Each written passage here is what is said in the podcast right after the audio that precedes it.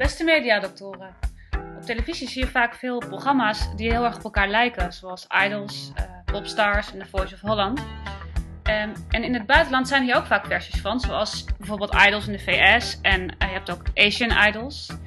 Ik vroeg me af, hoe komt het dat je overal op de wereld eigenlijk min of meer dezelfde programma's ziet? Vanuit Amsterdam is dit Onder Mediadoktoren, de podcast waarin communicatiewetenschappers zich verwonderen over de media. Welkom bij de tweede aflevering van Onder Media Doctoren. En uh, nou ja, we hebben het al aan de student, uh, onze student heeft het al uh, aan ons gevraagd. We gaan het vandaag hebben over formats. Um, Popstars is op televisie. Er komt misschien een nieuwe Popstars. Het heet Popstar, The Next Popstar, maar zo mag het dan weer niet heten. Je hebt Idols, je hebt de X-Factor, je hebt The Voice of Holland.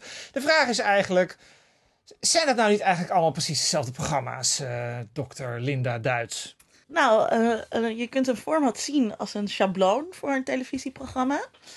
en in een schabloon liggen al een aantal dingen vast. Bijvoorbeeld het concept. Um, in deze gevallen ook de marketingstrategie. Maar er zijn kleine verschillen die het blijkbaar toch tot een ander programma maken steeds. Mm -hmm. Vincent, hoe denk jij daarover?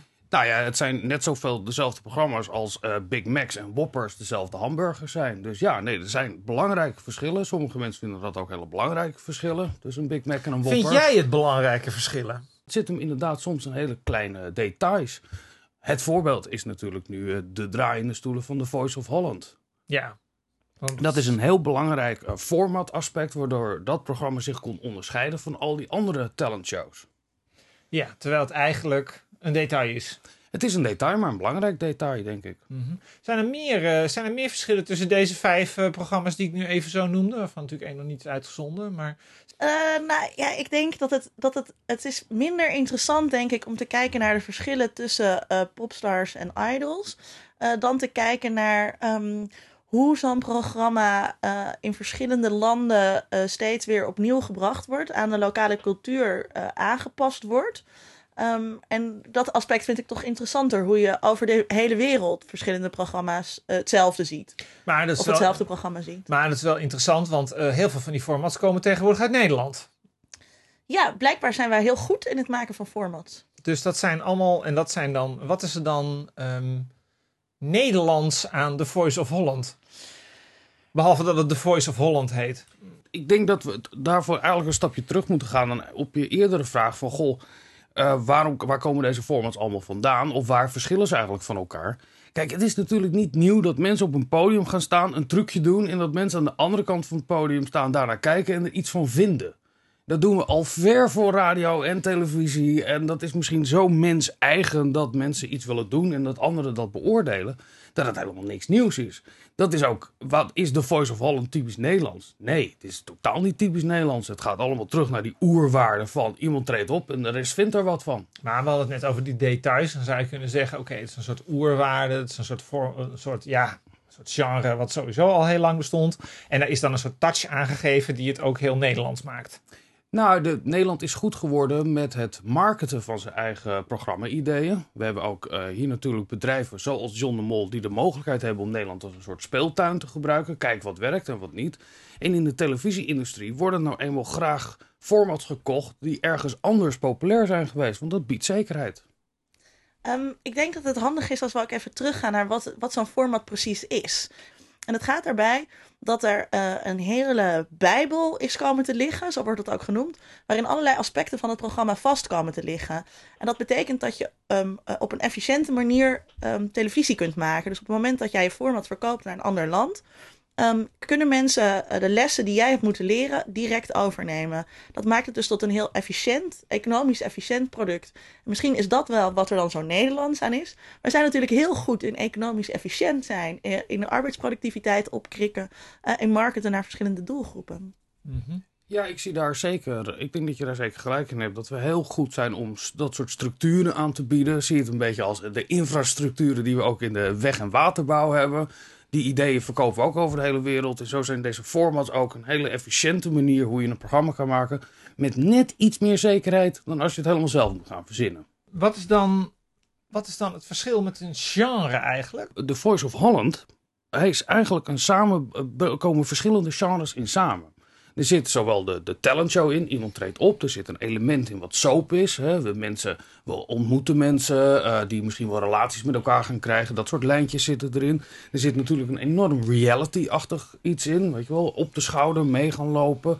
Al die kandidaten krijgen ook een dramatisch verhaaltje mee. die jongen moet altijd een keer zijn hand in de machine hebben gestoken. Of zijn moeder houdt niet van hem. Of dat draagt bij. Ze zijn allemaal een beetje uh, halfzielig. Uh, ja, het gaat, niet, verhaal het gaat niet alleen om de voice natuurlijk. En waar het vroeger ging om de, uh, of je een leuk gestyled popje was bij Idols gaat het nu eigenlijk zijn, zijn die mensen ook dramatisch, kunnen die mensen ook dramatische verhalen vertellen. Mm -hmm. Susan Boyle, het grote voorbeeld, is natuurlijk niet om aan te zien, die vrouw. Maar juist omdat zij zo... Uh, dat ze niet om aan te zien is. Afstotelijk is en dan wel zo'n stem. Ja, dat is natuurlijk het dramatische verhaal waar we naar zoeken. Dus om een antwoord te geven op jouw vraag. In zo'n format zijn heel veel verschillende genres vertegenwoordigd. Ja, en het is ook belangrijk om even eraan, eraan, te herinneren dat het niet alleen maar gaat over popstars uh, en The Voice. Maar formats zijn bijvoorbeeld ook Expeditie Robinson, wordt ook in meerdere landen uitgezonden. Um, The Bachelor uh, is ook een, een, voorbeeld. Dus het, de aard van het format zit veel meer in uh, dat het een, een economisch product is. Dan um, bij genres wat niet een afgebakende economische handelseenheid is. Dus bij formats gaat het veel meer om die economische kant van mediaproductie dan uh, genres wat veel meer gaat om kijkersherkenning. Oké, dus als we het hebben over All You Need Is Love, dan is dat dus een, dan is dat een format en geen genre. Ja, want het is ook noodzakelijk dat een format heel precies beschreven wordt. Anders kan je het ook nooit juridisch onderbouwen dat iemand het van jou jat. Een genre kan je niet heel. Je kan niet zeggen: we hebben een cowboyhoed, een paard, dat is een western en dat is door die studio ooit bedacht. Dat moet met programma's zoals All You Need Is Love en Idols, is de vormgeving, de spelregels, alles wat erop staat, staat uitermate specifiek beschreven. Dat maakt het makkelijk voor degene die het format koopt, maar het maakt voor degene die de licentie heeft ook makkelijker om aan te tonen dat het een eigen intellectueel eigendom is. Oké. Ehm, Vincent is uh, het land ingegaan en ging praten met iemand die heel veel van formats weet en bij Endemol werkt. Ik weet dat een format um, pas goed gevonden wordt. Dus het idee is natuurlijk, ja, je, begint met een idee en dat ontwikkel je naar een format. Maar dat je eigenlijk in vier zinnen zou moeten kunnen omschrijven waar het hele programma om gaat. En dan wordt jouw idee een goed format. Dit is Wendy Groeneweg, programmamaker. Zij werkt momenteel voor Endemol en maakt onder meer Expeditie Robinson, Echt Scheiden, Outback Jack, So You Think You Can Dance. En op dit moment Harder Than My Daughter. Ik vroeg haar waarom televisieformats gekocht worden, terwijl je toch ook zoiets zelf kan verzinnen. Nou, de reden dat een zender een, uh, een format eigenlijk aankoopt, is omdat je eigenlijk gegarandeerd bent van uh, een bepaald succes. Er worden natuurlijk de succesvolle programma's worden verkocht, dus die hebben zichzelf bewezen.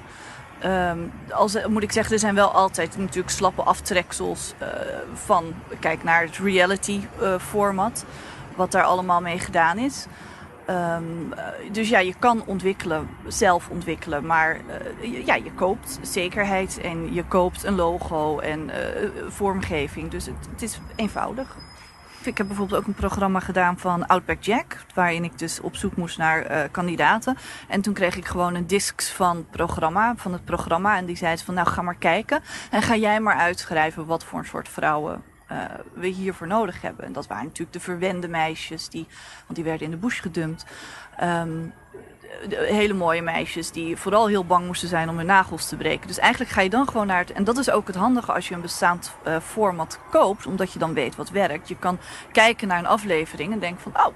Goh, eh, Hotter Than My Daughter hetzelfde. Ik heb gewoon een paar afleveringen gekeken. Oh ja, dit werkt wel, dit werkt niet. Um, dit is heel erg leuk uh, en dit niet wat er dan vaak gebeurt is dat een productiemaatschappij koopt een, uh, een format en die gaat daarmee naar de zender. Of vaak kijken ze al bij de zender van, goh, is hier interesse in? Um, dan kan de zender zeggen van, ik vind het een verschrikkelijk interessant format. Dit zou ik wel willen uitzenden. Um, maar dan heb je, en dat is weer het probleem, als je een, een bestaand format aankoopt, dan zit je ook vast aan dat format. En wat wel eens gebeurt, is dat een zender zegt van ik vind het een hartstikke leuk format.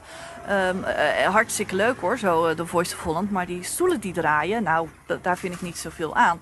Dan zal de, de formatontwikkelaar uh, zal zeggen van ja, als je het niet met draaiende stoelen koopt, dan krijg je het format niet.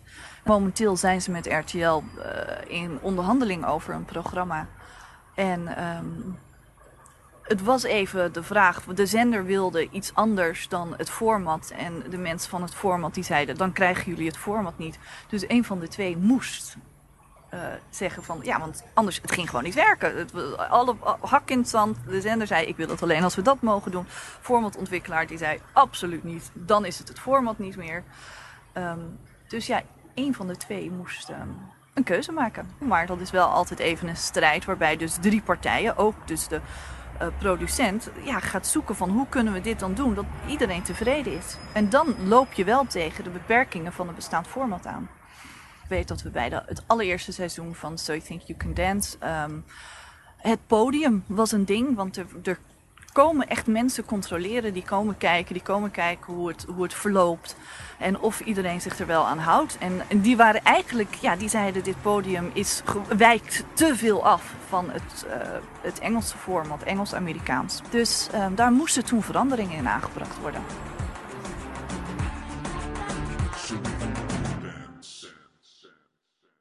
Oké, we hebben de mevrouw van uh, Animal uh, gehoord. Uh, er zijn hele conflicten over of formats wel op de juiste manier worden, worden uitgevoerd. Um, ja, is dat dan eigenlijk wel zo goed als zo'n zender helemaal niet meer zelf kan bepalen hoe zo'n podium voor So You Think You Can Dance eruit ziet? wat denken jullie daarvan? Nou, ik denk dat het net zo erg is dat als jij een winkelier bent en jij hebt een supermarkt en die is van de Albert Heijn ja, dan ben je daar ook aan gebonden. En dan komen die hamsters ook bij jou binnen. En als je zegt van ja, ik wil wel een Albert Heijn supermarkt hebben. Ik wil konijnen. Maar ik wil niet aan al die acties meedoen. En ik ga er niet voor zorgen dat uh, de groente komt bij mij uh, drie schappen verderop te liggen. Ja, die vrijheid heb je ook niet. Dus ik denk dat het daar heel erg mee te vergelijken is. Ja. En, um, maar dan is het natuurlijk wel de vraag van zijn al die details nou zo ontzettend belangrijk? Zijn die details nou echt zo belangrijk? Als je bijvoorbeeld even dat voorbeeld neemt van, die, van, dat, van dat podium bij So You Think You Can Dance. Ik bedoel, ja, ik weet niet precies wat er mis was met dat podium of die draaiende stoelen. Ik bedoel, is dat nou dan precies, dat zou dan wel heel erg de kracht van het format moeten verklaren kennelijk. Um, als je naar haar luistert, dan gaat het heel erg over risico vermijden. Dus wat, wat je eigenlijk doet met een format, is je koopt zoveel mogelijk zekerheid. Uh, omdat zo'n format beproefd is in een ander land. En als je dat dan in Nederland gaat toepassen, uh, uh, uh, dat betekent dat je, dat je bijna gegarandeerd succes hebt. En je weet natuurlijk niet precies waar dat succes aan ligt. Dus misschien zijn het inderdaad de draaiende stoelen die heel belangrijk zijn. Of misschien is het wel omdat het podium heel groot is. Um, dus uh, mag je niet al te veel afwijken van de formule, want je weet niet welke elementen in de formule hem nou precies zo uh, uh, succesvol maken. Die formules zijn natuurlijk geen wetenschap. Um. Ja, en het is ook een industrie. Hè? Het is iets wat je met heel veel mensen maakt. En laat je, als jij zo'n productie maakt, zo'n televisieprogramma, is het natuurlijk niet de bedoeling dat iedereen maar een beetje zelf gaat lopen nadenken over wat er uitgevoerd moet worden. Oh, is dat niet de bedoeling dat nee, daar wordt nagedacht? Het, het, het podium heeft dat formaat omdat het dat formaat heeft. Zo oh, staat ja. het beschreven in de Bijbel. Zo, staat het, uh, uh, zo is het format. Dat format koop je en daar hou je je ook aan. En dat is natuurlijk ook voor de licentiehouder belangrijk. Want op het moment dat jij Big Brother aan één land verkoopt en het tweede land uh, gaat er opeens allemaal veranderingen in maken, dan kan het derde land ook niet meer weten wat ze nou precies kopen. Als je luistert naar wat zij zegt, alle spontaniteit wordt uit een programma gehaald. We hebben net al opgemerkt dat dat voor de makers ook betekent dat ze maar weinig creativiteit uh, uh, daarin kwijt kunnen. De cameraman, uh, de editor, mensen die met geluid bezig zijn. Um, dat betekent dat je een minder ambachtelijk product, om het maar even zo te noemen, voorgeschoteld krijgt. Ik denk dat de kijker daar helemaal niet direct op zit te wachten. Nou, het is in ieder geval minder creatief. Uh, hè, als alles vast ligt, dan kan je zelf weinig uh, uh, ontwikkelen. Oh. Dan hebben we in Nederland nog het voordeel dat wij een industrie hebben waar over format wordt nagedacht. En dat wij inderdaad een soort proeftuin zijn. Dus wij krijgen ook heel veel falende formats voorbij, zien wij voorbij komen. Veel meer dan in andere landen.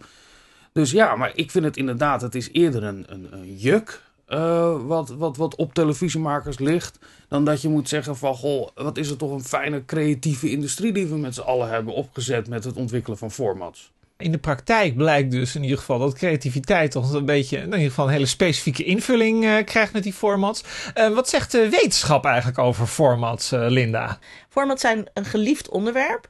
Het komt eigenlijk om twee redenen. Aan de ene kant biedt het tegengas aan het idee van culturele overheersing door de VS. Hè, waarin alle formats, waarin alles precies hetzelfde zijn en de wereld overgenomen zou worden door alleen maar Amerikaanse televisiecultuur. Um, en het biedt tegengas aan het idee van concentratie van de media. Uh, eerder waren de media vooral in handen, uh, in grote, uh, in, was de macht vooral in handen van grote mediacorporaties. En nu wordt die macht uitgedaagd. En iWorks is daar echt een voorbeeld van, als een relatief kleine productiemaatschappij die op deze wereldmarkt heeft weten in te breden. En nou, dat idee van tegengas, dat is altijd bijzonder aantrekkelijk voor televisiewetenschappers. Um, ik heb een interessant artikel gevonden van Jean Shalabi. The Making of an Entertainment Revolution: How the TV Format Trade Became a Global Industry. Uh, en uh, Shalabi uh, traceert eigenlijk de geschiedenis van de handel in formats. Um, formats bestonden al eerder. Tot de jaren 90 was die handel heel erg overzichtelijk. Het ging vooral om Amerikaanse spelshows, zoals The Price is Right. In Nederland kenden we dat als Prijsje Rijk en later ook nog als Cash and Carlo. En die programma's gingen heel langzaam de wereld over. Dit veranderde volgens Shalabi radicaal in de jaren 90 met de komst van vier superformats. Who Wants to be a Millionaire, bij ons bekend als Weekend Millionaires, Survivor, bij ons bekend als Expeditie Robinson, Big Brother en Idols. deze programma's waren echte kijkcijferkanonnen, in tegenstelling tot die spelshows waar ik het eerder over had. En daarnaast kennen ze allemaal dezelfde consistente internationale merkstrategie. De formats van deze vier titels zijn hierna zo gekopieerd en gestolen dat ze bepalend zijn geweest voor het hele genre. Denk maar aan de manier waarop kandidaten stemmen in Expeditie Robinson. Dat zie je ook in allerlei andere uh, formats terug. Door die handel in formats konden onafhankelijke productiemaatschappijen groeien. Endemol is daar een voorbeeld van. En uh, dat wordt heel erg gevierd. Deze auteur vindt dat een heel erg uh, goed iets omdat ze zegt dat die productiemaatschappijen onafhankelijker zijn. Ze staan los van de omroepen. Ze hebben dus ook geen directe relatie met adverteerders. En daardoor kan er meer. Dat is bevorderlijk voor de creativiteit, zegt Chalabi. Nou, om te concluderen. Je moet die mondiale handel in formats volgens Chalabi helemaal niet zien als culturele armoede. Je moet formats zien als bruggen tussen culturen. Juist omdat die formats aangepast worden aan de lokale smaak, zijn Nederlandse televisiemakers erin geslaagd hun ideeën over televisie te communiceren met een wereldwijd publiek. Heel positief dus. Ja, eigenlijk is het dus een, uh, eigenlijk is het juist een feest voor de creativiteit, die, uh, die formats. Het is wel een totaal andere conclusie dan, eh, dan wij trokken. Um, ik vind het ook altijd heel interessant als wetenschappers schrijven hoe kunnen we een format aanpassen aan de lokale cultuur. Nou, daar weten ze misschien veel van. Nou, dan vraag ik me altijd af, stel je voor dat iets wordt aangepast aan mijn lokale cultuur. Ja. Welke is dat dan? Als er een programma komt zoals uh, nu uh, So You... Nee, uh, um, Dancing. Dancing. Oh, ja. Dancing. dat wordt dan aangepast aan de Nederlandse smaak. Nu wil ik niet gelijk geroepen, aan mij is niets gevraagd. Maar ik voel helemaal niet dat er een soort monolithisch essentie is van de lokale cultuur in Nederland. En ik denk dat dat in de Verenigde Staten al helemaal niet zo kan. En laat staan al die andere landen als Turkije of China. Als je dat gaat onderzoeken dan moet je een soort beginpunt aanwijzen. En ik vind dat altijd uh, in dat soort onderzoek altijd zeer twijfelachtig. Dus eigenlijk zeg jij, uh, dat is eigenlijk helemaal niet aan te passen. Nou, dat, dat in wat, wat Linda heeft verteld in de wetenschap zie je aan de ene kant gewoon dat het een verhaal, eigenlijk een marketing of een economisch verhaal is over hoe die ideeën over de wereld gaan. Daar wordt positief over geoordeeld. Nou ja, dat is net zo positief kan je erover oordelen dat je nu inderdaad overal een Big Mac kan eten. En aan de andere kant wordt er een suggestie in dat soort onderzoek gedaan dat we een uitspraak kunnen doen over aanpassing aan lokale culturen. Glokalisering, om een mooie term te gebruiken. Nou ja, kijk, in het geval van die McDonald's ga ik daar altijd wel mee. Ik ben dol op McDonald's bezoeken in het buitenland. Waar wij de McCroket hebben, uh, heeft iedere McDonald's zijn eigen lokale variant. Maar als je dan gaat kijken naar hoe dat vorm krijgt in bijvoorbeeld um, The Bachelor, wat ik deze week zat te kijken, vind ik het heel moeilijk om daar dan Nederlandse elementen in terug te, terug te zien. En dan is de vraag over welk Nederland gaat dit? hoe zit het met, met klassenverschillen in Nederland? Hoe zit het met regioverschillen in Nederland? Nou, dat, dat speelt allemaal mee. Ik, ik ben het met Vincent eens dat dat heel problematisch is in dit soort onderzoek, waarin heel erg gevierd wordt dat het lokale verbonden wordt aan het mondiale als A zich moet aanpassen aan B, dan moet je wel weten wat B is. En volgens mij kan je dat helemaal niet weten. Dus er zijn onderzoeken die dat veronderstellen. Moeten zodanig simplificeren dat de uitspraak die uiteindelijk wordt gedaan eigenlijk al heel erg twijfelachtig is. Nou, en aan het eind van deze eh, discussie moeten wij natuurlijk terug naar de vraag. Namelijk, hoe komt het nou toch dat al die programma's zo op elkaar lijken die we in Nederland zien en die ook in, of die ook in het buitenland worden uitgezonden? Ehm, Linda, hoe, eh, wat is jouw antwoord op die vraag? Ja, ik denk dat het antwoord op die vraag heel bedroevend is. En eh, dat- ehm, in de jaren negentig is een manier van televisie maken, een nieuwe manier van televisie maken gekomen. Waar de Nederlanders pionier in waren. eh, die ervoor hebben geleid dat televisie maken heel efficiënt kan. Dat kennis heel erg efficiënt doorgegeven wordt. Opgedane kennis in de praktijk. En dat dat ertoe geleid heeft dat allerlei omroepen over de hele wereld die programma's zijn gaan aankopen. Ja, wat, wat ik zou willen concluderen is dat televisie is een zo'n duur medium en de concurrentie is zo ontzettend groot om een publiek te trekken dat eigenlijk elke vorm van creativiteit opzij gezet wordt en ingeruild wordt voor een zekerheid, vaak een schijnzekerheid, door een format aan te kopen. Oké, dus jarenlang zei Endemol, had, ik weet niet of dat nog steeds zo is, als, als leus creativity is the key. Eh, daar zijn we het dus eigenlijk niet mee eens. Nou ja, Dat is dat- misschien wel creatief van Endemol, maar daarna houdt het een beetje op. het, het is heel creatief geweest van Endemol en wij mogen onszelf daarvoor op de rug kloppen. Eh, we hebben een halt eh, toegeroepen aan de Amerikanisering van de wereldtelevisie. Wat wij daarvoor in de plaats hebben gebracht is de vernederlandisering van de televisieindustrie. Ja. Oké, dank jullie wel.